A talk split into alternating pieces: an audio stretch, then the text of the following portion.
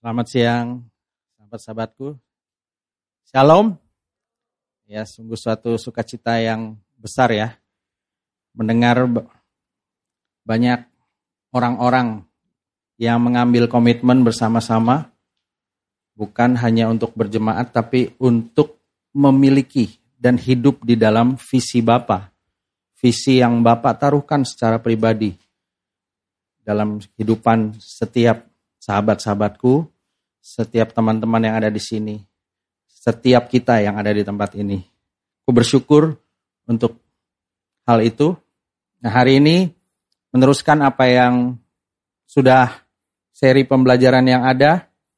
Kita mau meneruskan kapasitas murid Kristus, disciple of Christ capacity. Ya, hari ini judulnya adalah hidup dengan visi yang lahir dari kasih. The right vision through right love. Banyak orang miliki visi, ya. Visi, visi cita-cita, ada orang bilang cita-cita, ada orang bilang tujuan hidup. Tapi visi ini adalah visi yang lahir dari kasih. Bukan visi yang lahir dari ego. Banyak orang-orang yang memiliki visi karena pengetahuannya. Karena oh karena dikasih tahu kamu harus punya visi. Kamu harus punya visi kecil-kecil dikasih tahu kamu harus punya visi. Tapi visinya seperti apa? Oh kamu nanti uh, perlu belajar yang bagus baik perlu pintar nanti kerja jadi orang kaya banyak uang nanti kamu dihormati. Nah visi-visi yang ditaruhkan itu bukan visi yang itu visi yang dari pengetahuan dari dunia. Ada juga yang punya visi itu dari kemarahan karena hal-hal yang dialami. Waktu kecil mungkin mengalami banyak kesulitan, ya. Waktu kecil itu uh, hidupnya susah, menderita seolah-olah, atau dihina. Suatu saat ya, saya harus belajar baik-baik. Saya harus sungguh-sungguh, saya mau bekerja, saya mau berusaha, saya mau jadi orang yang berhasil. Nah, itu juga visi, tapi itu visi lahir dari kemarahan. Dan banyak orang-orang juga punya visi itu dari hal itu. Marah karena dihina, dibully. Saya akan suatu saat saya akan balas. Berhasil nggak? Berhasil. Tapi perjalanannya ternyata mereka mengalami banyak kesulitan oleh karena visi itu. Mungkin visi itu bisa membuat dia berhasil secara lahiriah. Tapi hari ini kita mau belajar visi yang lahir dari kasih.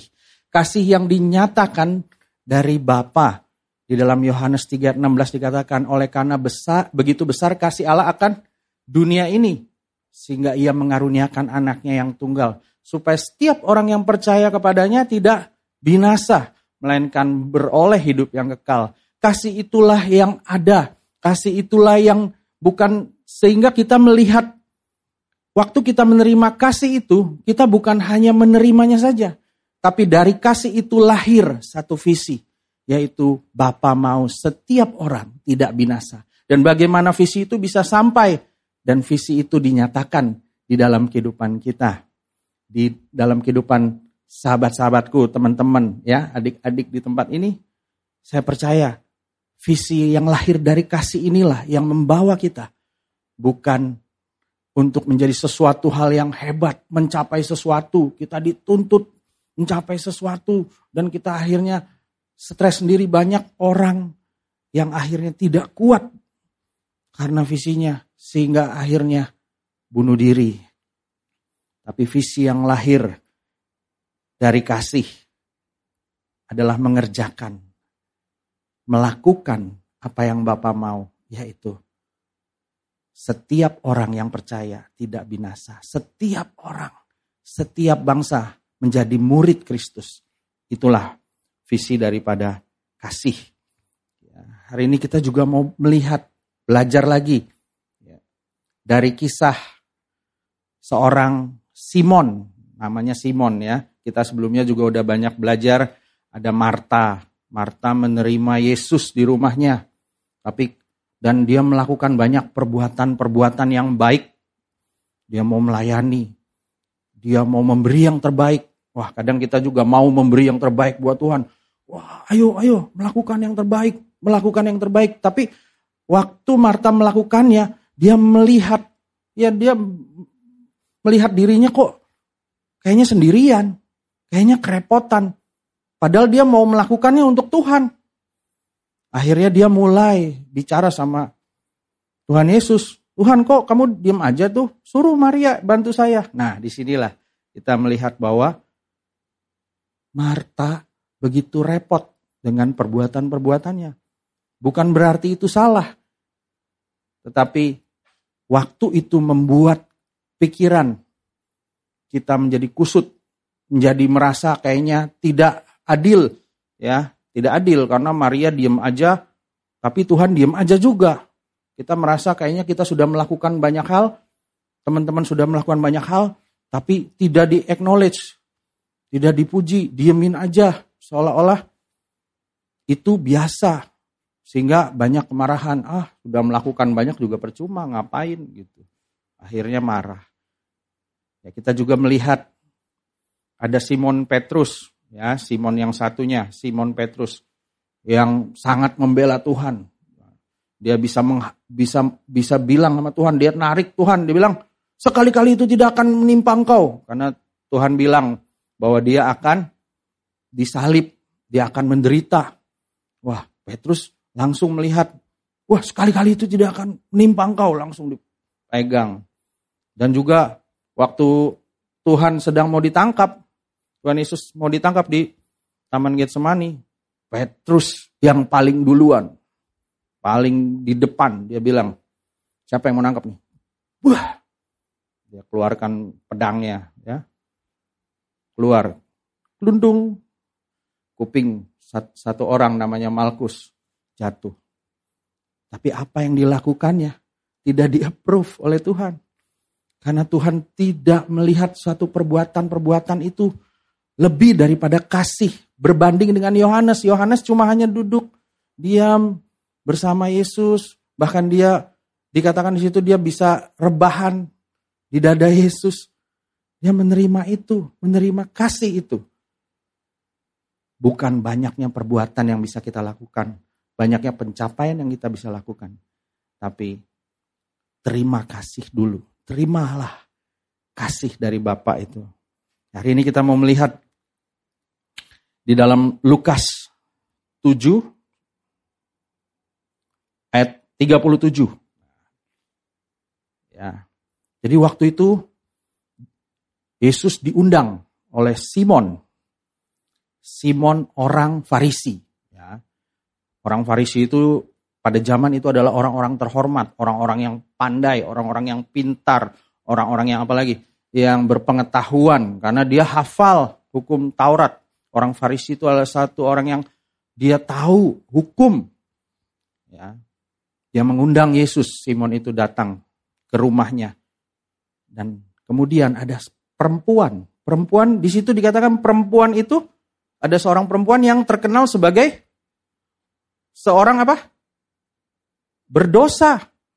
Bukan cuma berdosa, kebanyakan berdosa tapi tidak terkenal ya. Karena dosanya diam-diam aja. Nah ini terkenal, ini sangat terkenal. Perempuan ini sangat terkenal. Sudah berbuat dosa dan perempuan ini datang ya, ke rumah Simon orang Farisi itu.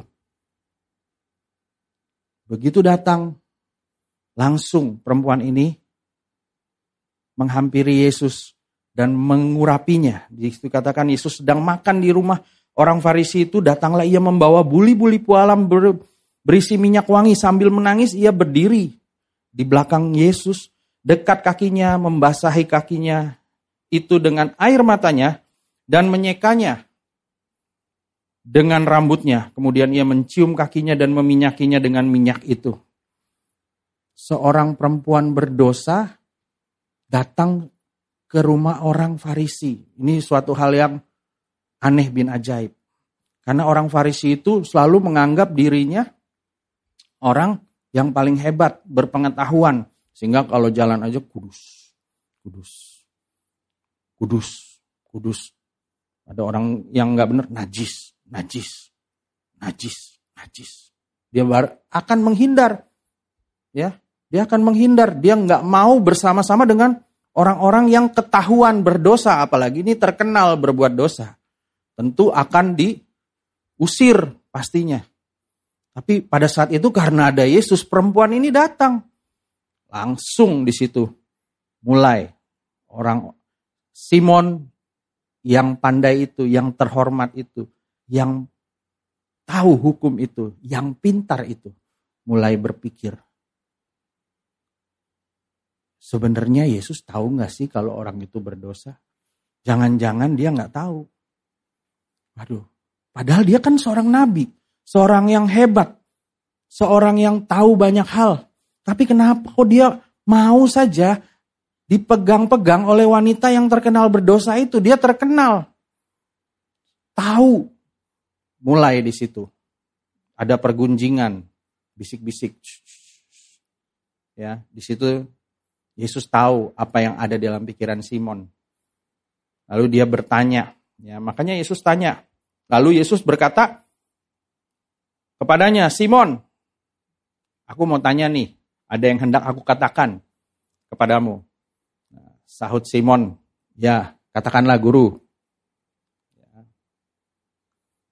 Lalu Yesus bilang sama Simon, dia cerita, ada dua orang yang berhutang kepada seorang pelepas hutang. Yang seorang berhutang 500 dinar, yang lain 50. Karena mereka tidak sanggup membayarnya, maka ia menghapuskan hutang kedua orang itu. Ya. Jadi ada yang satu utang 500, satu utang 50. Kondisinya sama-sama nggak bisa nggak bisa bayar. Ya. Lalu dihapuskan hutangnya. Yesus tanya, siapa di antara mereka yang akan terlebih mengasihi dia? Mengasihi orang yang menghapus hutang itu? Siapa? Nah, Simon mulai mikir nih. Sebenarnya dia udah tahu jawabannya. Cuma dia berhati-hati, biasanya takut dijebak seolah-olah. Nanti kalau salah ngomong, karena orang Farisi dulu suka menjebak Yesus. Jadi dia takut dijebak balik jadinya. Jadi padahal dia udah tahu jawabannya. Dan akhirnya dia bilang, e, kira-kira sih, nah supaya jangan, supaya agak abu-abu. Kalau salah pun jadi kelihatannya benar. Ya, kira-kira Kira-kira dia yang paling banyak dihapuskan hutangnya. Kata Yesus kepadanya, betul pendapatmu. Wah hebat, 100. Wih seneng Simonnya ya, 100. Luar biasa, great, good job, well done. Apalagi? Ya, kasih cap bintang. Luar biasa, betul pendapatmu itu. Tapi ternyata apa yang menjadi pengetahuan, apa yang dia tahu tentang itu, tidak membuat dia hidup di situ, Simon. Dia tahu bahwa orang yang dihapuskan hutangnya lebih banyak, pasti akan lebih mengasihi, katanya. Lebih, di situ katakan akan terlebih mengasihi dia. Dia tahu jawabannya, tetapi di dalam dirinya, pengetahuan itu membuat dia menghakimi orang lain. Padahal sama-sama berdosa, sama-sama tidak bisa membayar hutangnya. Lalu Simon mulai menuduh di situ, wah perempuan ini berdosa. Bagaimana kok dia bisa? Dia dia aja akan berkata e, tentu tidak mau menerima wanita ini, tapi kok Tuhan diam aja. Mulai menghakimi di situ. Dan waktu Yesus tanya ini, dan jawabannya betul. Banyak kita, ya, banyak teman-teman bisa menjawab waktu ditanya pertanyaan kuis Alkitab. Nilai agamanya 100. Ya, waktu ditanya ayat, dapatnya cepek. Betul katamu itu Simon. Betul sekali. Waktu ditanya di komsel bisa jawab, hafal ayat. Tapi lihat, di dalam pikiran kita cek apakah saya sering kali menghakimi karena firman justru ada dalam pikiran saya. Itu dipakai untuk menghakimi orang. Dia mestinya begini. Itu PKS-nya salah ngomong tuh. Dia mestinya begini, datang ke sini lagi, dia mestinya begini, pergi komsel sana, pergi komsel sini, nggak ada yang cocok. Kenapa? Karena mulai menilai, yang di sini PA-nya nggak enak, yang sini PKS-nya ngomong terus, yang di sana PKS-nya diem, yang di sini pembinanya kurang perhatian. Keliling terus cari Kenapa? Karena banyak pengetahuannya. Banyak banyak tahunya. Tapi di dalam kehidupannya tidak mengalami itu. Padahal sama-sama sama-sama tidak sanggup bayar. Makanya waktu makanya setelah itu Yesus katakan kepada Simon. Dan sambil berpaling pada perempuan itu ia berkata kepada Simon, "Kau lihat perempuan ini. Aku masuk ke rumahmu, engkau tidak memberikan aku air." Ya. Kok cuma bisa ngomong aja kasarnya gitu ya. Kamu tidak menunjukkan kasihmu. Kamu cuma tahu tentang kasih tapi tidak menunjukkan kasihmu. Membasuh, ya engkau, aku masuk rumahmu, engkau tidak memberikan air untuk membasuh kakiku. Ah, pantang, nggak sopan. Apa? Itu perbuatan-perbuatan yang kecil, hina. Uh, narungi air, nggak apa-apa, sendiri aja dong. Ya. Tapi dia membasahi kakiku dengan air mata dan menyekanya dengan rambutnya. Engkau tidak mencium aku. Nah, mencium kalau di bangsa Timur Tengah ya sapaan itu biasanya cipika-cipiki tahu ya cipika-cipiki ya? Gini-gini ai ai gitu ya. Ya orang uh, orang kalau orang Timur Tengah begitu. Kalau untung kalau orang New Zealand lain lagi wow gitu lain lagi ya. Kalau ini ini ah gitu kan kalau orang New Zealand. Untung Yesus orang Timur Tengah. Jadi makanya dia bilang mencium aku. Menciumnya tuh bukan uh, apa? Jangan pikiran yang kacau ya. Jadi dia cipika-cipiki seperti itu. Itu budaya, budaya Timur Tengah. Di situ bilang kamu tidak kasarnya tidak menjambut aku, tidak mencium aku. Ya, tidak menyapa itu. Tapi sejak aku masuk, ia tidak henti-hentinya mencium kakiku. Kaki Yesus. Wanita ini nggak mikir, Yesus habis jalan keliling ke mana. Tentu saja ya, banyak kita juga kalau cium kaki kaos kaki sendiri aja mau pingsan rasanya. Ya, saya kan nggak bilang kakinya Yesus bau, cuma maksudnya berkeliling desa dan kota baru nyampe situ dia membersihkan kakinya dan menyekanya dengan rambutnya. Engkau tidak meminyaki kepalaku dengan minyak, tapi dia meminyaki kakiku dengan minyak wangi. Artinya banyak orang punya pengetahuan. Mungkin teman-teman punya banyak pengetahuan dari kecil sudah di kasarnya sudah dicekoki dengan firman, dikit-dikit firman, dikit-dikit firman ya. Di rumah nanti firman, ayo saat teduh, bangun-bangun masih ngantuk suruh saat teduh sama orang tuanya. Mungkin ada juga yang kayak begitu. Ya, firman lagi karena sekolahnya sekolah Kristen atau sekolah Katolik ada devotion. Wah, devotion lagi, firman lagi. Jadi banyak sebenarnya pengetahuannya. Tapi yang terjadi adalah bukan membawa firman itu dan melihat kasihnya sebagai orang yang sudah diampuni, tapi melihat bahwa ah aku kan baik-baik aja, aku dari keluarga baik-baik, papa mamaku baik, papa mamaku pejabat di gereja, papa mamaku orang yang oh apa kalau ada majelis kalau di sini mungkin papa mamaku PA, PKS orang yang baik. Kami dari kecil tuh baik banget ya, nggak pernah ya nggak pernah ribut katanya. Ya nggak pernah ketahuan ribut di luar gitu. Di kamar aja ributnya. Ya itu yang banyak terjadi. Sehingga waktu ada orang lain mulai kacau mulai menilai ah dia kacau nih dia kacau. Dia tuh nggak bener jangan deket-deket sama dia.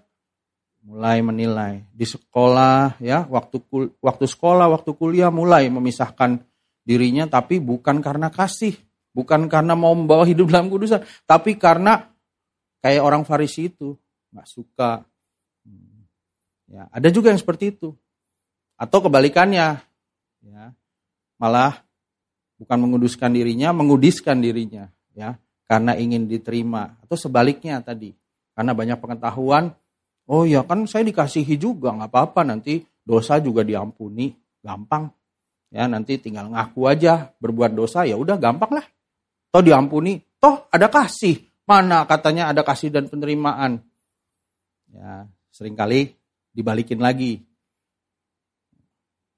ke kakak-kakak PKS misalnya atau PA-nya nih, PA-nya. Mana katanya mengasihi, saya ngomong saya salah dikit aja langsung dikasih firman, dikasih firman. Marah mulai, ya kan? Nah, itu yang terjadi. Nah, itu banyak pengetahuannya walaupun tahu banyak firman tapi hidupnya tidak melihat bahwa dirinya itu dikasihi, bahwa ada kasih. Sedangkan perempuan ini berdosa, dia datang dengan segala resiko, teman-teman. Ya, dia resiko. Kenapa perempuan ini berdosa? Kemungkinan aja Ya karena berdosa saya nggak tahu dosanya dosa apa. Biasanya kalau zaman dulu dikatakan berdosa itu biasanya berkaitan dengan berkaitan dengan ini apa eh, percabulan per, perjinahan misalnya. Ini wanita ini adalah wanita tunasusila mungkin saja. Nah, ya wanita yang nggak benar di situ waktu dia datang dia juga resiko. Siapa tahu ada yang kenal sama dia, eh, memang dia terkenal. Siapa tahu ada yang mencoba menghakimi dia dan melempari dia dengan batu. Siapa tahu juga dia nanti di situ akan dihakimi. Tapi karena dia melihat, menerima kasih yang daripada Tuhan. Kita lihat ya. Di ayat 47 dikatakan, Yesus berkata, sebab itu aku berkata padamu, dosanya yang banyak itu telah diampuni. Sebab ia telah banyak berbuat kasih. Tetapi orang yang sedikit diampuni, sedikit juga berbuat kasih. Kata-kata ini, oh kalau gitu saya mesti lebih banyak lagi melakukan, ya, lebih banyak lagi berbuat hal-hal yang baik. Karena kan di situ bilang kalau banyak uh, apa berbuat kasih, dosa saya diampuni. Enggak, teman-teman. Ya, mungkin ini bahasanya Ya, kalau dipermudah sedikit, bagaimana kita melihat bahwa waktu dosa kita diampuni, kita justru banyak melakukan kasih.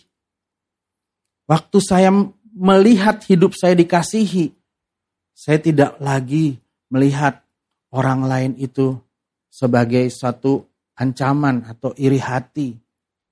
Ataupun melihat orang lain harus dituntut harus sama seperti saya. Di situ kalau boleh ditulis ya, di situ bahasa Indonesianya disederhanakan. Dosanya yang banyak itu telah diampuni karena ia menerima kasih lebih dahulu. Makanya nggak ada di situ cuma supaya teman-teman jelas. Makanya ia banyak mengasihi, memberi kasih. Kenapa? Karena dia melihat dia berdosa.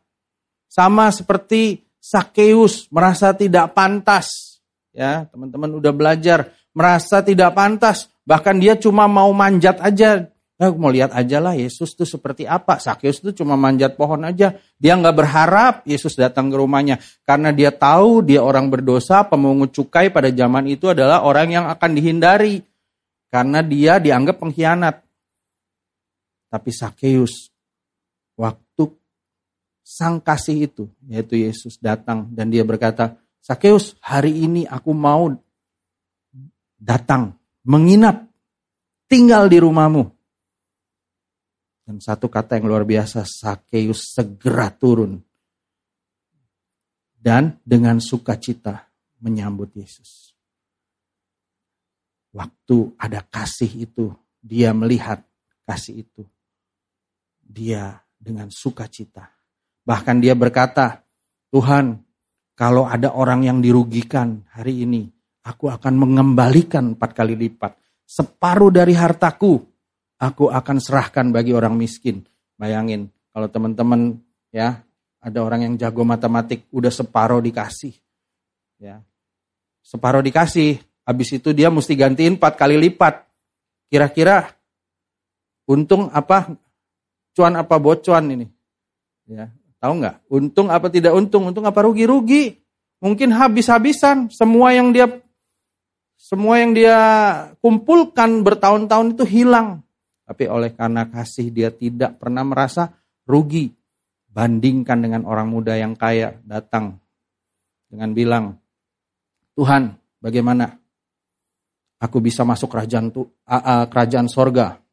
Ya, Yesus cuma bilang, ada hukum kamu sudah lakukan belum? Hukum ke-6, hukum ke-7, hukum ke-8, hukum ke-9, Dan hukum kelima di situ ya. Nanti teman-teman baca sendiri.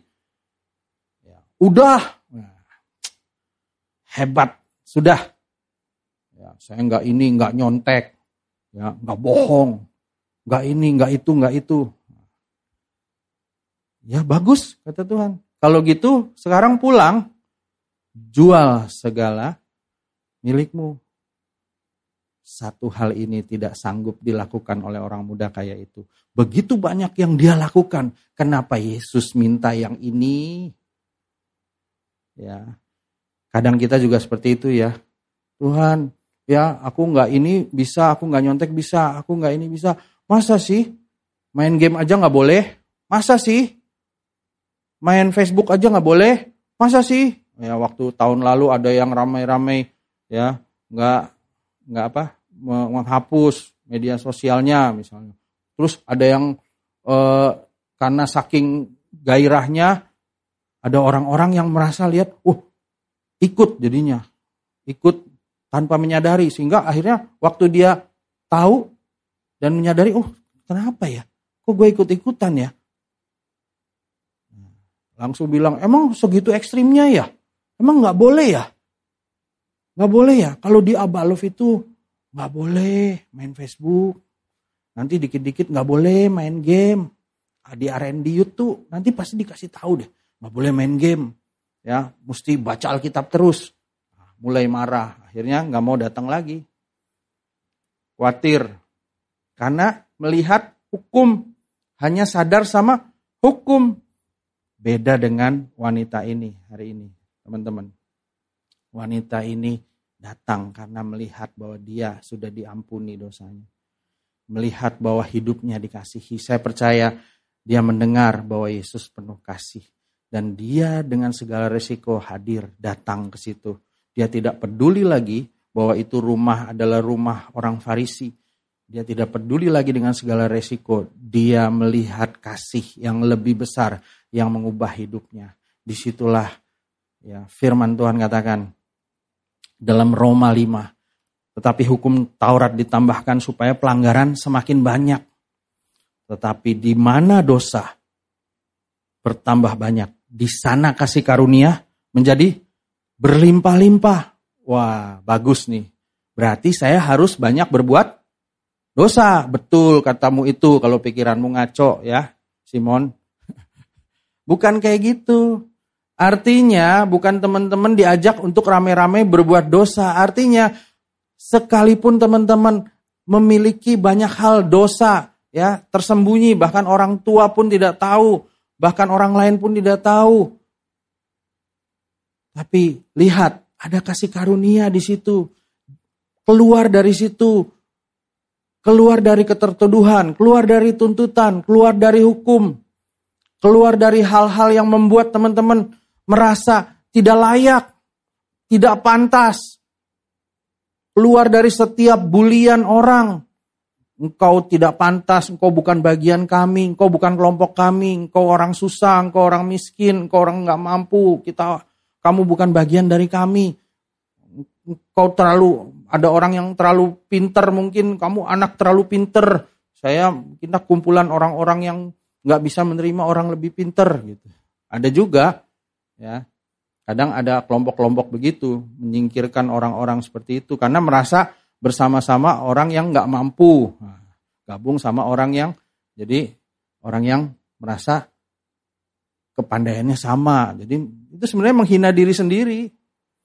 Tapi di mana dosa bertambah banyak, di situ kasih karunia semakin besar. Artinya, sekalipun ada dosa, kasih karunia itu jauh lebih menutupi setiap pelanggaranmu, setiap dosa-dosamu, setiap kesedihanmu. Jauh melebihi karis, huper, perisio. Besar memenuhi, bahkan melingkupi apa yang pernah kamu lakukan. Kalau hari ini teman-teman ya tertuduh tiap hari merasa dirinya bersalah, merasa dirinya tidak baik hari ini dengarkan firman ini, terima hal ini secara personal bahwa kasih karunia menjadikanmu menjadikanmu orang-orang yang dikasihi. Kasih karunia itu ada. Bapak itu hadir bukan karena engkau berbuat baik. Bapak itu sayang karena bukan karena engkau bisa melakukan banyak hal. Bapak itu sayang. Bapak di surga sayang kepadamu.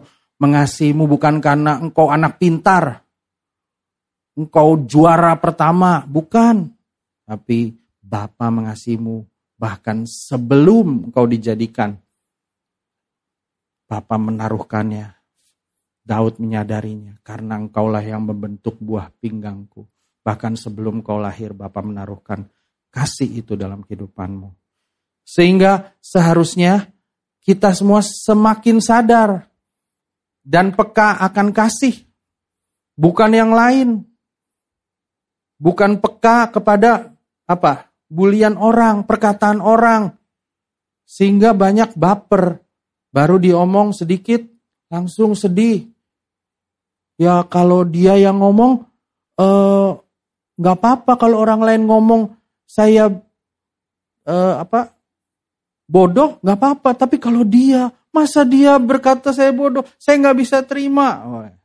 Jadi sampai melakukan orang-orang tertentu padahal banyak orang mengatakan kamu baik ya lihat nih banyak orang ya merasa harus orang itu misalnya jadi ada ada satu temannya dia hanya selalu melihat bahwa orang itu sebagai batasan. Yaitu orang tuanya. Karena orang tuanya nggak pernah bilang hal yang baik, selalu marahin dia. Tapi orang-orang lain menaruhkan kasih, kamu oke okay kok, kamu bagus. Tapi tiap hari dia marah. Kenapa? Dia berharap orang tuanya bilang dia bagus. Tapi nggak pernah terjadi. Sehingga dia marah. Padahal orang-orang sekitarnya, komunitasnya, komsel, PKS-nya, pemimpinnya berkata, engkau dikasihi, engkau baik. Begitu sulitnya dia menerima itu. Sehingga dia tidak bisa melihat kasih itu. Dia selalu berkata, masa sih? Emang bener gue dikasih, gak ada buktinya. Waktu datang ke, waktu datang makan dia dilayanin, dikasih makan, dikasih dikasih roti, dikasih minum. Dia tidak melihat kasih orang apa perbuatan itu sebagai kasih buat dia. Masa sih? Dia selalu menuntut orang yang tidak bisa menyatakan kasih itu untuk ber, mengasihi dia. Kan aneh juga ya.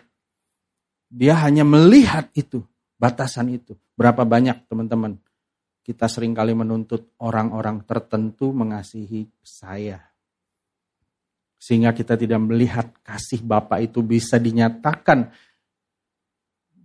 oleh banyak orang saat pemimpinmu ya PKSmu berkata bagus bagus ya good job well done kamu luar biasa kamu baik terkadang kita suka melihatnya itu sebagai gimmick tahu nggak gimmick tahu gimmick nggak tahu gimmick Gimik itu cuma ah pemantas-pantas aja. Oh dia juga ngomong sama orang lain sama. Ya. Ada pemimpin sini ngomong kamu dikasihi, kamu luar biasa di dalam Tuhan. Ah sama. Dia juga ngomong sama orang lain sama, nggak ada yang spesial. Lu lihat tuh, teman sebelah gua juga digituin. Ya kamu waktu lihat kamu didoain, orang lain juga didoain. Merasa tidak pernah spesial hidupnya. Berapa banyak orang-orang seperti itu. Saya berdoa hari ini supaya teman-teman di sini melihat hal yang berbeda. Waktu ada orang menyatakan kasih dalam kehidupanmu, engkau sadar bahwa engkau dikasih. Waktu ada orang menyatakan suatu hal yang baik dalam hidupmu, terima itu. Waktu ada firman firman Tuhan mengatakan, engkau berharga di mataku, mulia dalam pandanganku dan aku mengasihimu. Jangan berkata, Iya sih, tapi gini gini gini. Masa sih? Coba buang kata sihnya. Coba buang kata masanya. Berkata, iya. Ya Tuhan. Berapa banyak waktu kita berkata, iya sih. Mulai pikiran-pikiran yang kacau itu lebih banyak masuk. Waktu firman Tuhan bilang, serahkanlah kekhawatiranmu. Gak usah takut, jangan khawatir Iya sih. Nah, kan kata-kata gitu. Ya. Berapa banyak yang berkata, iya sih, tapi kan kita juga gini gini gini. Kalau kitanya nggak gini gini, gimana gini gini? Iya sih, ya gitu. Kata-kata itu bukan membangun hidupmu. Lebih mudah teman-teman berkata, iya. Aku mau menyerahkan kekhawatiranku. Iya. Setiap firman yang disampaikan dan meneguhkan hidupmu, mulai perkatakan, iya. Amin. Amin? Oh. Amin itu ya. Bahasa bahasa Ibraninya dari ya tuh ah amin. Amin. Nah, waktu firman ini sampai ke dalam hidupmu bahwa dosamu walaupun merah seperti kirmisi tapi aku menjadikan kamu seperti salju. Ah, amin. Ya, Terima itu. Jangan masa sih papaku papa aja mukulin aku, masa Tuhan sayang sama aku. Papaku tadi tadi ada yang bilang pukulin. Memang kita sebagai orang tua banyak melakukan hal yang salah. Cara kita salah, tapi jangan lupa ya, kita cara-cara itu memang apa cara-cara itu salah. Jangan terima caranya, tapi lihat kasihnya tadi. Bagus. Teman-teman sadar akan kasih. Yuk kita sama-sama mau katakan, saya mau semakin peka dan sadar akan kasih, bukan yang lain. Satu, dua, tiga. Amin. Hari ini kita mau melihat ya kehidupan seorang anak muda. Nah, enak ceritanya anak muda ya. Nah, karena teman-teman masih muda, walaupun saya juga masih muda. Nah, amin. Terima kasih supportnya ya. Jadi teman-teman mungkin sudah mendengar ya kisah ini. Kisah ini adalah kisah seorang anak muda yang mendapatkan mimpi dalam kehidupannya. Ya, seorang yang sangat dikasih oleh bapaknya.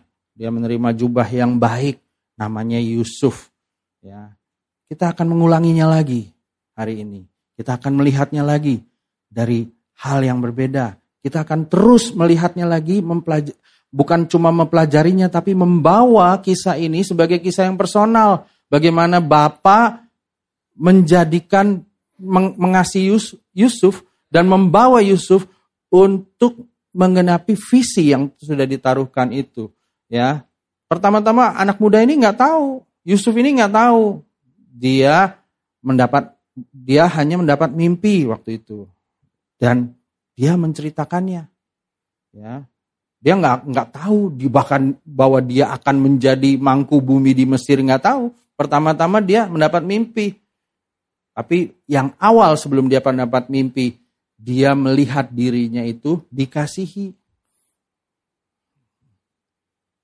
Sehingga waktu ujungnya Yusuf hidupnya bukan saja melihat bahwa dirinya itu adalah korban, tapi dirinya itu adalah penggenap visi Bapa. Amin. Hari ini teman-teman jangan lihat hidupmu sebagai korban, tapi lihat hidupmu sebagai penggenap visi Bapa. Orang yang menggenapi visi Bapa di zamannya. Dikatakan di kejadian 50 ayat 19 sampai 21, tetapi Yusuf berkata kepada mereka, pada saudara-saudaranya karena waktu setelah mendapat mimpi itu Yusuf ya cerita. Nah, di sini nih serunya. Nah, udah dapat mimpi itu dia cerita polos ya. Banyak berapa banyak juga kan kita nggak tahu nih harus cerita. Ya cerita sama siapa? Cerita sama keluarganya. Dia pikir baik-baik aja, dia cerita ya. Cerita sama keluarganya dan dia bilang wah nanti saya apa berkas-berkasnya nanti ada lebih lengkapnya nanti ya. Wah. Intinya bahwa Yusuf ini tidak mengerti saat awal. Akhirnya karena mimpinya dia harus masuk ke lubang sumur dan dibuang menjadi budak. Dan di sana dia masuk ke tempat yang namanya Potifar, ya, pejabat kerajaan. Di situ dia tinggal. Eh, nggak taunya ada tante Potifarnya menggoda dan dari situ Yusuf di fitnah. masuk penjara. Bayangin, setelah masuk dari lubang sumur, keluar, hidupnya jadi budak, di budak itu diangkat Tuhan, eh turunin lagi jatuh. Ya. Kali ini masuk penjara. Lalu sesudah itu ya dia dua tahun dikecewakan, ah, bukan dikecewakan, di, dilupakan karena waktu itu ada juru minum dan juru roti juga di penjara dan waktu itu Daud, uh, Yusuf menerjemahkan mimpinya dan dijanjiin sama juru minum ya. Nanti kalau saya sudah kembali lagi pada posisi saya saya nggak akan lupain kamu. Nah berapa banyak teman-teman juga di PHP-in dijanjiin mau ditraktir mau di apa saya nggak akan lupakan kamu. Kalau kamu bantu saya ya. Banyak di sini saya lihat-lihat ya wajah-wajahnya ya. Suka di PHP-in ya. Nanti kalau kamu nilainya bagus akan papa kasih mama kasih hadiah iPhone 14. Ya. Belum ada, makanya hadiahnya belum ada juga ya. Baru sampai 13. Nah, jangan direnungkan teman-teman ya. Nah, jadi banyak di PHP-in di sini ya. Nah, Daud eh Yusuf juga di PHP-in. Tapi Yusuf tidak kecewa. Yusuf tetap melakukan apa yang menjadi bagiannya. Sampai di penjara itu juga dia disayang sama kepala penjara. Saya bingung juga di penjara disayang kepala penjara dan disuruh untuk melayani penjara orang-orang di dalam penjara itu. Bayangin ya, saya saya nggak bisa ngebayangin tuh bagaimana dia disayang di penjara bisa melayani. Mungkin nggak perlu di nggak perlu diborgol lagi kali ya. Kepala penjaranya percaya sama dia karena sekalipun pintunya dibuka, dia nggak akan kabur. Nah, itu luar biasa ya. Sangat bisa dipercaya. Bayangin kalau dia kecewa, luka, dia akan keluar, dia kabur, dia kembali ke rumah bapaknya dan take revenge. Wah, latihan dulu. Gitu kan. Banyakan nonton film kan gitu, latihan. Apa? Untuk apa? Pauco katanya. Apa? Take revenge, balas dendam. Enggak, Yusuf enggak kayak gitu. Yusuf terus akhirnya dia menjadi mangku bumi dipercaya karena dia menerjemahkan mimpi Firaun waktu itu. Dan akhirnya dia menjadi orang yang kedua terpercaya di sana. Kedua setelah Firaun, bahkan katanya Firaun dia bilang hanya yang membedakan aku dengan Yusuf adalah tahtaku ini. Tempat duduknya dia. Selebihnya kekuasaannya sama. Luar biasa, teman-teman. Kita senang di bagian akhirnya. Tapi perjalanan ini kita juga mau lihat. Di situlah Yusuf teguh menggenapi visi Bapa. Sampai akhirnya saudara-saudaranya datang dan bicara. Saudara-saudaranya datang dan waktu bapaknya meninggal, saudara-saudaranya ini ketakutan. Ya, takutan bilang, aduh nanti jangan-jangan Yusuf setelah bapaknya meninggal, Yakub meninggal akan balas dendam nih karena kalau masih ada papa nggak enak lah, nggak mungkin lah, ya masih sopan, masih hormat sama orang tua kan. Tapi kalau nggak ada lagi yang melindungi, saudara-saudaranya ini ketakutan. Ya di situ yang luar biasa. Yusuf bilang, tapi Yusuf berkata kepada mereka yang sedang ketakutan itu, jangan takut, sebab aku inikah pengganti Allah? Memang kamu telah mereka-rekakan yang jahat terhadap aku, tapi Allah telah mereka-rekakan untuk kebaikan. Luar biasa, Yusuf ini. Tidak melihat dirinya sebagai korban. Tidak melihat dirinya banyak diperlakukan tidak adil. Tidak melihat dirinya itu hancur karena masa lalu, hancur karena hal-hal yang dilakukan oleh orang lain, tapi dia melihat semua itu Allah turut bekerja. Ya, segala sesuatu bekerja untuk mendatangkan kebaikan bagi orang yang mengasihi dia. Allah mereka-rekakan yang baik. Allah itu punya sesuatu yang baik. Dia tidak melihat yang jahat dalam hidupnya. sekalipun yang jahat itu ada dalam hidupnya, nyata. Karena dia jadiin budak, ya. Bahkan bahkan dia masukin penjara. Sekalipun itu terjadi, dia tidak melihat hal itu. Yusuf adalah pribadi yang sangat luar biasa. Di situ katakan kamu mereka rekakan yang jahat terhadap aku, Allah mereka rekakan yang untuk kebaikan dengan maksud inilah visinya, dengan maksud supaya terjadi sekarang ini. Ini di hujungnya ya. Karena di situ banyak kelaparan waktu itu. Dan Yusuf menyelamatkan saudara-saudaranya dari kelaparan itu. Yaitu memelihara hidup suatu bangsa yang besar. Wah, kita waktu ngomong memelihara suatu hidup bangsa yang besar, setelah saya baca lagi ternyata cuma 70 orang. Tapi Yusuf melihat ini adalah bangsa yang besar. Ya, Yusuf melihat visi dari Tuhan, janji dari Tuhan yang diberikannya kepada Abraham. Ya, nanti kita akan bahas itu lain kali aja ya. Jadi janganlah takut, aku akan menanggung makanmu dan makan anak-anakmu juga. Luar biasa. Dia nggak dendam, ya. Dia tidak merendahkan orang itu, tidak merendahkan saudara-saudaranya. Justru dia menanggung. Dia memberi makan dan menjadi orang yang menjadi sumber kepada saudara-saudaranya yang telah menyakiti dia. Demikianlah ia menghiburkan mereka dan menenangkan hati mereka dengan perkataannya. Hari ini, teman-teman, waktu kita sadar bahwa kita adalah pribadi yang sangat dikasihi dan diterima oleh Bapa, maka kita dapat terus memperbesar kapasitas hidup kita, kapasitas hidup saya, untuk menggenapinya. Menggenapi apa? Visi Bapa, visi yang lahir dari kasih bagi bangsa-bangsa. Teman-teman diberikan itu. Waktu teman-teman yang tadi berdiri di sini berkata, aku menerima visi ya bahwa visi itu menjadikan bangsa-bangsa murid itulah visi dari Bapa.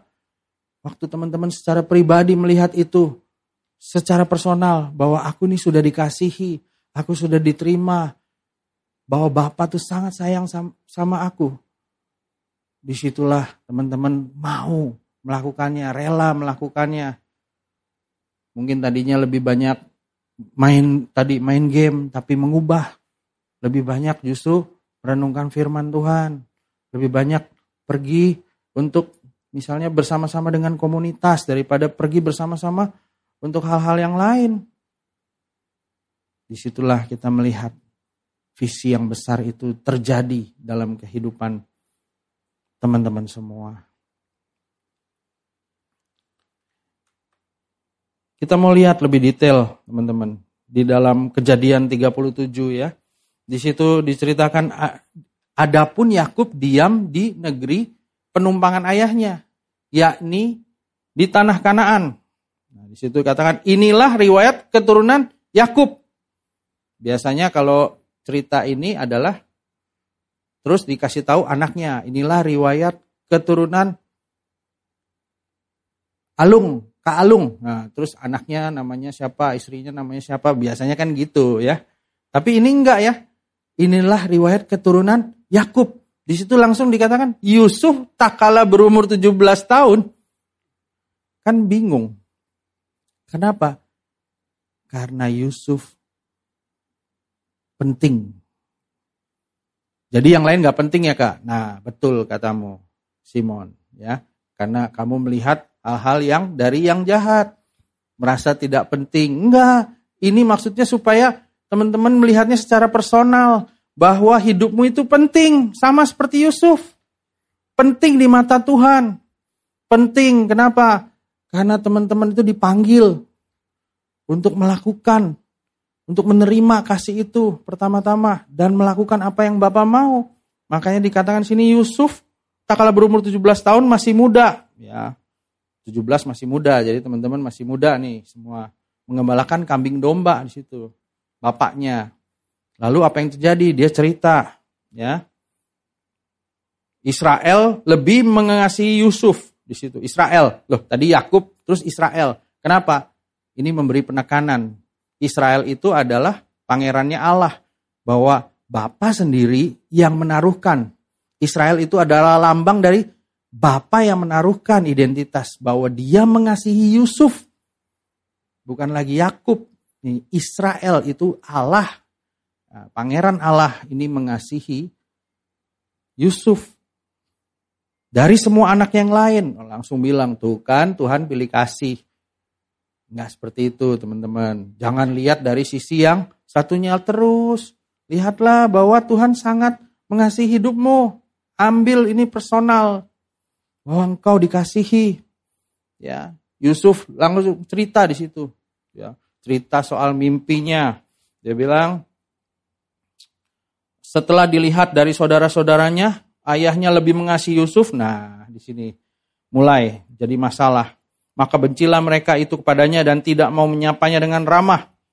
Pada suatu kali bermimpilah Yusuf, lalu mimpinya itu diceritakannya kepada saudara-saudaranya sebab itulah mereka yang mereka lebih benci kepadanya. Benci ya. Banyak dari kita juga waktu kita dikasihi oleh Bapak, kita banyak dekat dengan firman, banyak datang ke komunitas, wah dia mah ntar nanti lewat, wah pendeta, pendeta lewat, pendeta, orang baik, orang baik lewat. Ya, di sekolah suka dibully, kadang Jangan ngomong-ngomong, nanti jangan ngomong-ngomong uh, ke dia.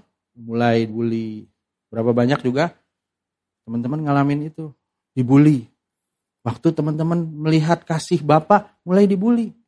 Tapi jangan lupa, teguhlah di dalam kasih itu. Bahwa engkau dikasihi oleh Bapak. Sini katakan dia cerita mimpinya itu. Tampak kita sedang di ladang mengikat berkas-berkas gandum. Lalu bangkitlah berkasku dan tegak berdiri. Kemudian datanglah berkas-berkas kamu sekalian mengelilingi dan sujud menyembah kepada berkasku itu. Lalu kata saudara lalu saudara-saudaranya berkata, "Apakah engkau ingin menjadi raja atas kami? Apakah engkau ingin berkuasa atas kami?" Jadi makin bencilah mereka kepadanya karena mimpinya itu dan perkataannya itu. Ceritain dia makin benci. Di situ terus dia bercerita lagi. Ya, Yusuf bercerita lagi lalu memimpikan mimpi yang lain. Padahal gara-gara mimpi itu dia dibenci, dia masih cerita lagi, masih polos. Ya. Aku bermimpi pula tampak matahari, bulan dan sebelas bintang sujud menyembah kepadaku. Setelah hal ini diceritakannya kepada ayah dan saudara-saudaranya, maka ia ditegur oleh ayahnya. Mimpi apa mimpimu itu?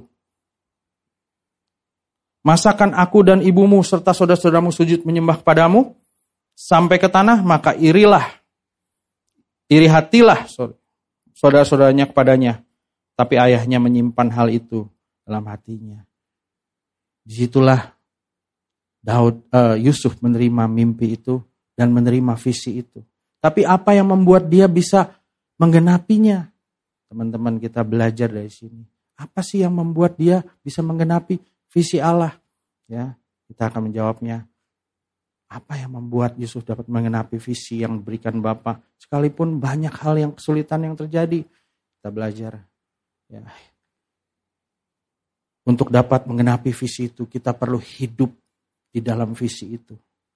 Hidup dari visi yang lahir dari kasih. Ya, di kejadian 39 ayat 3 dikatakan, setelah dilihat tuannya bahwa Yusuf disertai Tuhan dan Tuhan membuat berhasil segala sesuatu yang dikerjakannya, maka Yusuf mendapat kasih tuannya dan ia boleh melayani dia. Kepada Yusuf diberikan kuasa atas rumahnya dan segala miliknya, diserahkannya kepada kekuasaan Yusuf. Di situ dia bekerja pada Potifar. Ya, kenapa dia dipercaya? Ya, banyak orang bilang karena Yusuf rajin. Ya benar. Tapi bukan cuma itu saja, teman-teman. Kalau cuma rajin, banyak orang rajin. Tapi hari ini, lihatlah. Yusuf, dikatakan situ Yusuf disertai Tuhan. Waktu teman-teman hidup di dalam visi yang lahir dari kasih, menjadikan teman-teman disertai oleh kemurahan Tuhan. Ya, ada kemurahan Tuhan di situ. Teman-teman melihat bahwa teman-teman itu dibawa kepada satu hal yang baik. Bukan ditinggalkan tapi disertai dengan kemurahan Tuhan. Berhasil bukan karena kemampuan sendiri saja, bukan karena rajin, tapi ada kemurahan Tuhan, God's favor. Highly favor. di situ. Lihat, waktu yang saya kagum adalah Yusuf di dalam perjalanannya sekalipun sulit, dia tidak pernah berubah integritasnya. Dia melakukan tetap yang terbaik sekalipun dia budak, dia tidak memandang dirinya adalah budak. Dia memandang dirinya, identitasnya sebagai anak Allah yang dikasih, sehingga dia melakukannya sebagai orang, sebagai anak yang dikasih. Betapa banyak anak-anak Tuhan melihat dirinya bukan sebagai anak yang dikasih, tapi sebagai budak, merasa dimanfaatkan, merasa di, tidak dianggap, merasa Apalagi banyak perasaan-perasaan yang kacau disepelekan, tidak di tidak di uh, apa? Tidak dianggap sebagai orang yang bisa, tidak diakui. Itu yang terjadi.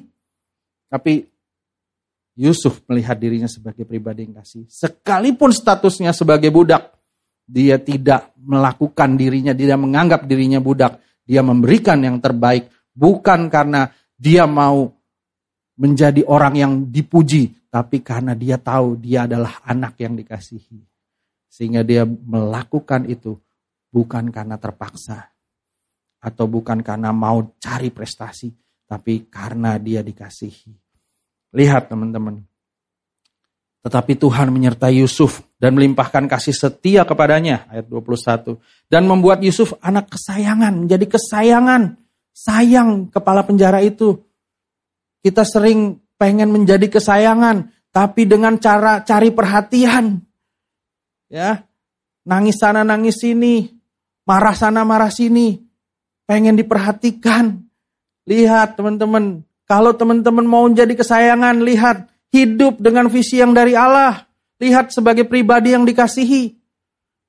Lakukan yang terbaik bukan karena terpaksa, tapi karena engkau melihat hidupmu dikasihi.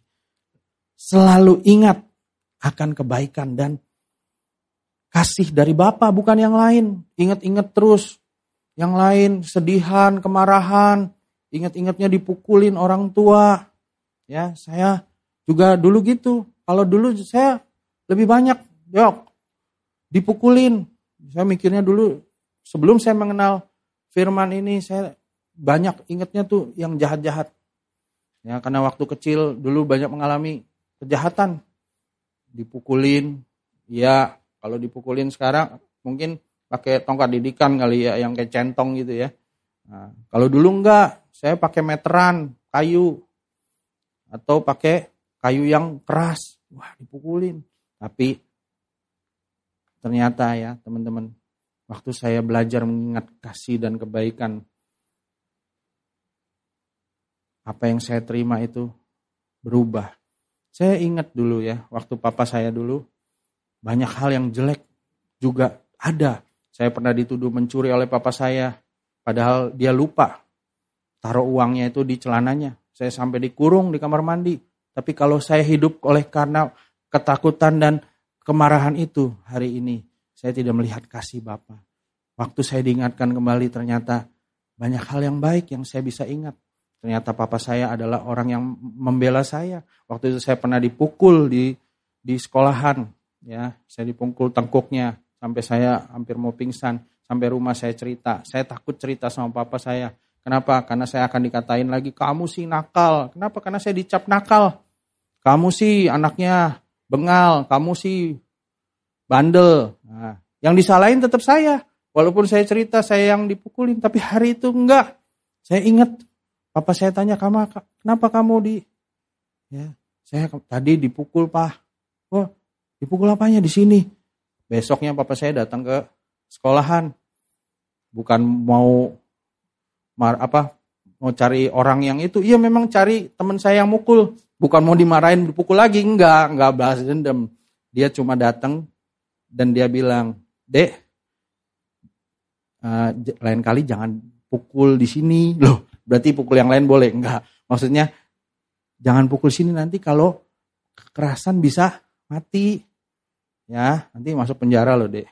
Walaupun nakut-nakutin dikit, tapi saya melihat kebaikan dari papa saya.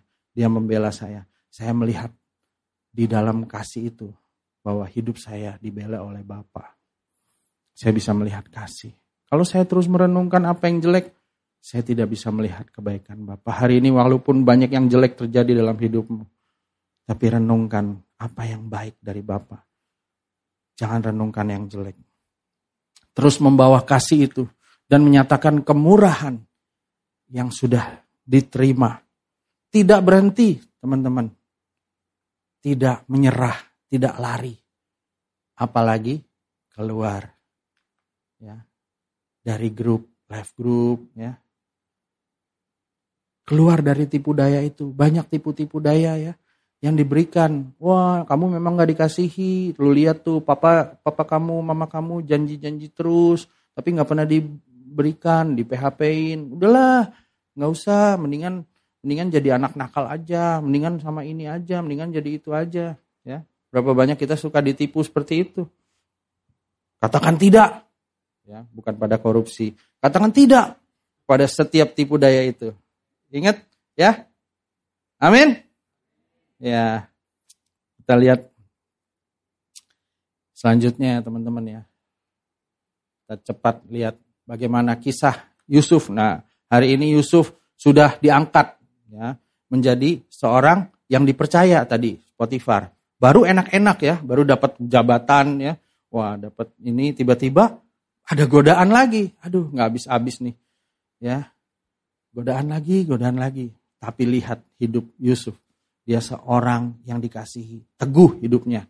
Waktu dia berkata seperti ini ya, dia dihampiri oleh ya, istri Potifar. Ya, lihat teman-teman, adapun Yusuf itu manis sikapnya dan elok parasnya. Wah ganteng nih orangnya ya. Ya kayak opa-opa Korea. Ya. Selang berapa waktu istri tuannya itu memandang Yusuf dengan birahi. Maksudnya lihat, oh suka. Selang beberapa waktu, nggak nggak langsung ya. Jadi teman-teman ingat, ada proses. Di dalam kehidupan teman-teman juga sama. Kalau teman-teman mau jatuh dalam dosa tuh pasti ada proses. Nggak tiba-tiba bangun tidurku terus mau buat dosa. Ya, nggak ada. Tapi direnungkan itu. Dimasukkan terus. Makanya teman-teman ya lihat prosesnya ini. Selang beberapa waktu, kemudian istrinya memandang Yusuf dengan birahi lalu katanya marilah tidur dengan aku. Yusuf menolak. Dan luar biasa ya. Dikatakan situ dengan bantuanku, tuanku ini tidak lagi mengatur apa yang ada di rumah ini dan ia menyerahkan segala miliknya kepada kekuasaanku. Bahkan di rumah ini ia tidak lebih besar kuasanya daripadaku dan tiada yang tidak diserahkannya kepadaku selain daripada engkau sebab engkau istrinya. Bagaimana mungkin aku melakukan kejahatan yang besar ini dan berbuat dosa terhadap Tuhan? Padahal pada saat itu belum ada 10 perintah Tuhan. Kok dia bisa bilang ini dosa? Karena dia melihat apa yang daripada Tuhan bukan daripada manusia. Mungkin pada saat itu ya hal-hal ini terjadi biasa. Betapa banyak hari ini teman-teman. Kita dunia ini membuat kita nih biasa. Ya, melakukan dosa itu biasa. Coba lihat ya, mulai dari tontonan-tontonan biasa. Kenapa diberikan? Kenapa kita um, meminta teman-teman untuk bisa mengurangi tontonan itu. Kenapa? Karena itu membawa teman-teman jadi biasa. Oh, jadi yang biasa itu begitu ya. Tiap hari lihat seperti itu. Ya sekarang banyak juga game-game yang 17 tahun ke atas gitu ya. Tiap hari seperti itu. Begitu dikatakan 17 tahun ke atas, saya umurnya 23 kak, berarti saya boleh. Bukan itu teman-teman. Jadi udah begitu nunggu-nunggu waktunya sampai 17 tahun supaya bisa nonton film-film yang seperti itu. Bukan, nggak ada waktu yang ditunggu. Ya, mau 17 tahun ke atas, 17 tahun ke bawah, jangan isi pikiran kita dengan itu. Selang beberapa waktu, artinya tiap hari kita masukkan itu, kita tanpa sadar akan menolak setiap apa yang daripada Tuhan mengatakan itu biasa, ketidakkudusan di dalam dunia ini biasa buat kita. Akhirnya kita membawa hidup kita tidak kudus. Berapa banyak orang hidup tidak kudus, pacaran tidak kudus, berhubungan berhubungan antara satu sama lain tidak kudus. Bahkan kita terbiasa nantinya beberapa orang terbiasa. Kenapa sih kok gak boleh wanita sama wanita, pria sama pria langsung Wah berarti Tuhan tidak mencintai, ini kan kasih apa. Itu jadi kacau pikirannya. Teman-teman jangan jangan membawa itu masuk. Dunia itu sedang membawa segala sesuatunya masuk dalam kehidupan teman-teman untuk menjadi sama seperti mereka. Makanya kata-kata dikuduskan itu artinya teman-teman dipisahkan. Lihat Yusuf, Yusuf itu meninggalkan bajunya, di situ katakan di ayat 12, perempuan itu memegang baju Yusuf sambil berkata, marilah tidur dengan aku, tapi Yusuf meninggalkan bajunya di tangan perempuan itu. Lihat, lari keluar, bukan lari mendekat. Berapa banyak anak-anak Tuhan bukan lari keluar, lari mendekat. Gak apa-apalah, masa sih gak boleh? Ya, nonton ini biasalah, gak apa-apa. Masa sih gak boleh? Ekstrim banget lu. Gak boleh, dikit-dikit gak boleh. Netflix gak boleh, Hotstar gak boleh, apalagi? Gak tahu sekarang. Cuma tahunya itu. Ya, teman-teman lebih tahu. Lihat teman-teman.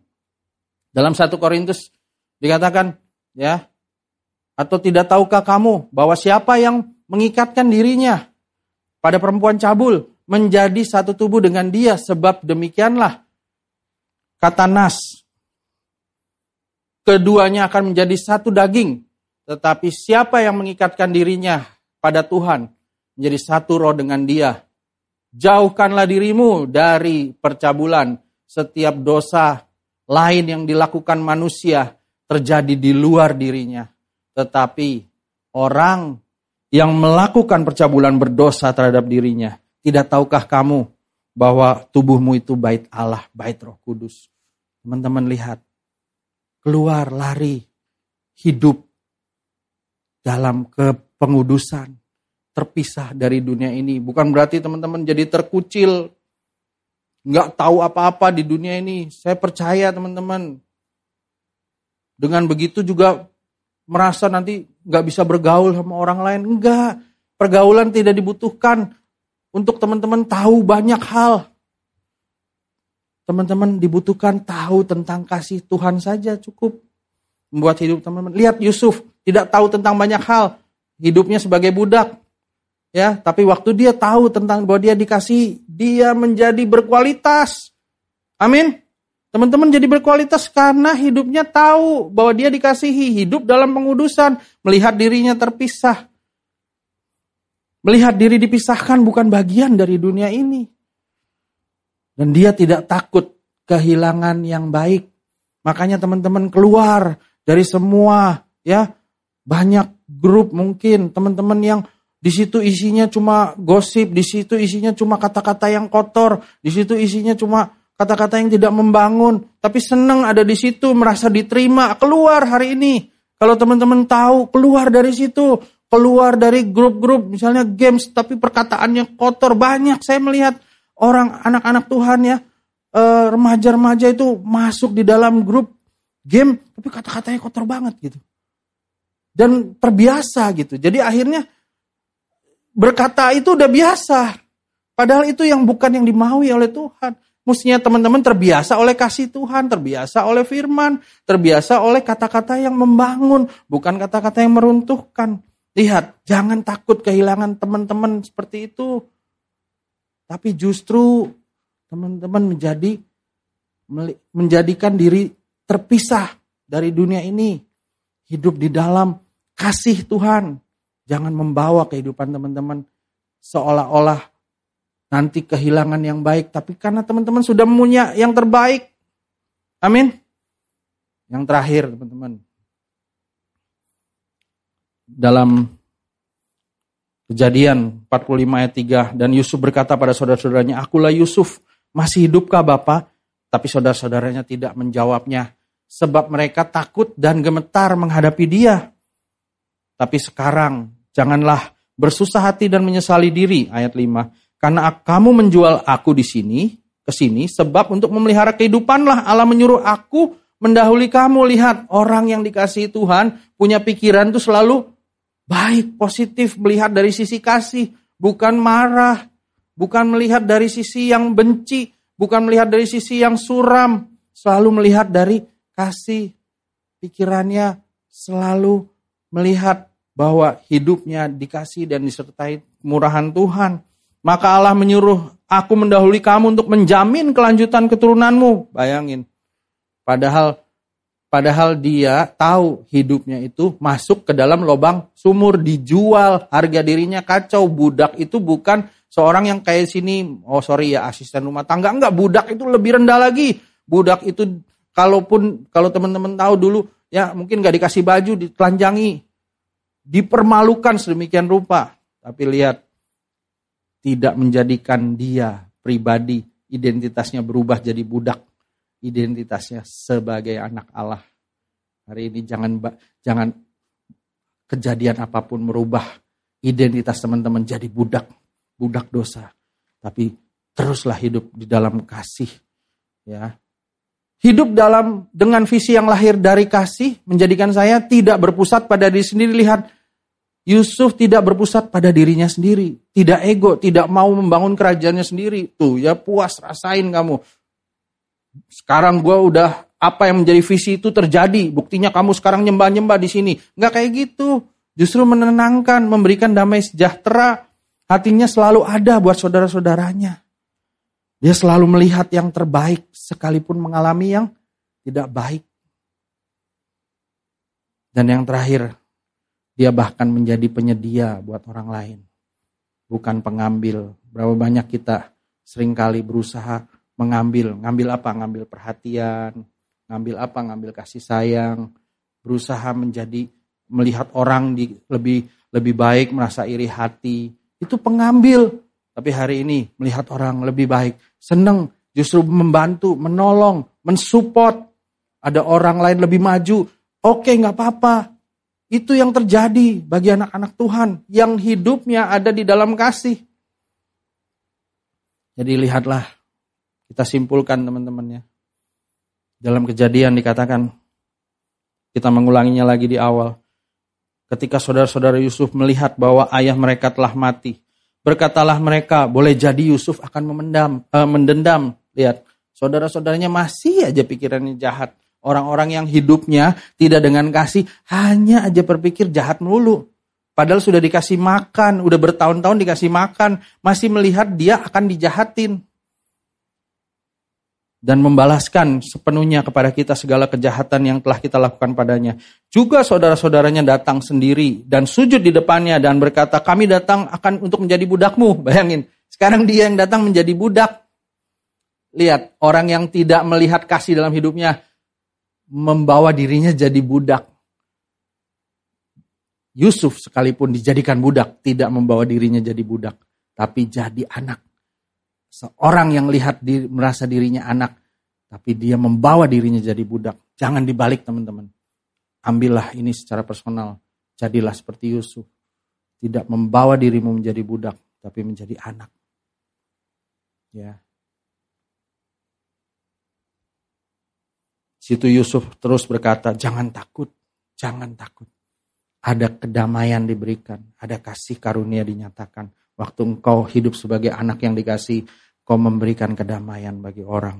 Saat saya semakin peka dan sadar akan kasih yang benar, saya dapat menangkap visi dari hati Bapa, meneruskan visi Bapa pada bangsa-bangsa, dan senantiasa hidup di dalam kemurahan Bapa yang telah memisahkan saya dari dunia ini dan menjadikan Yesus sebagai pusat dan tujuan hidup secara pribadi.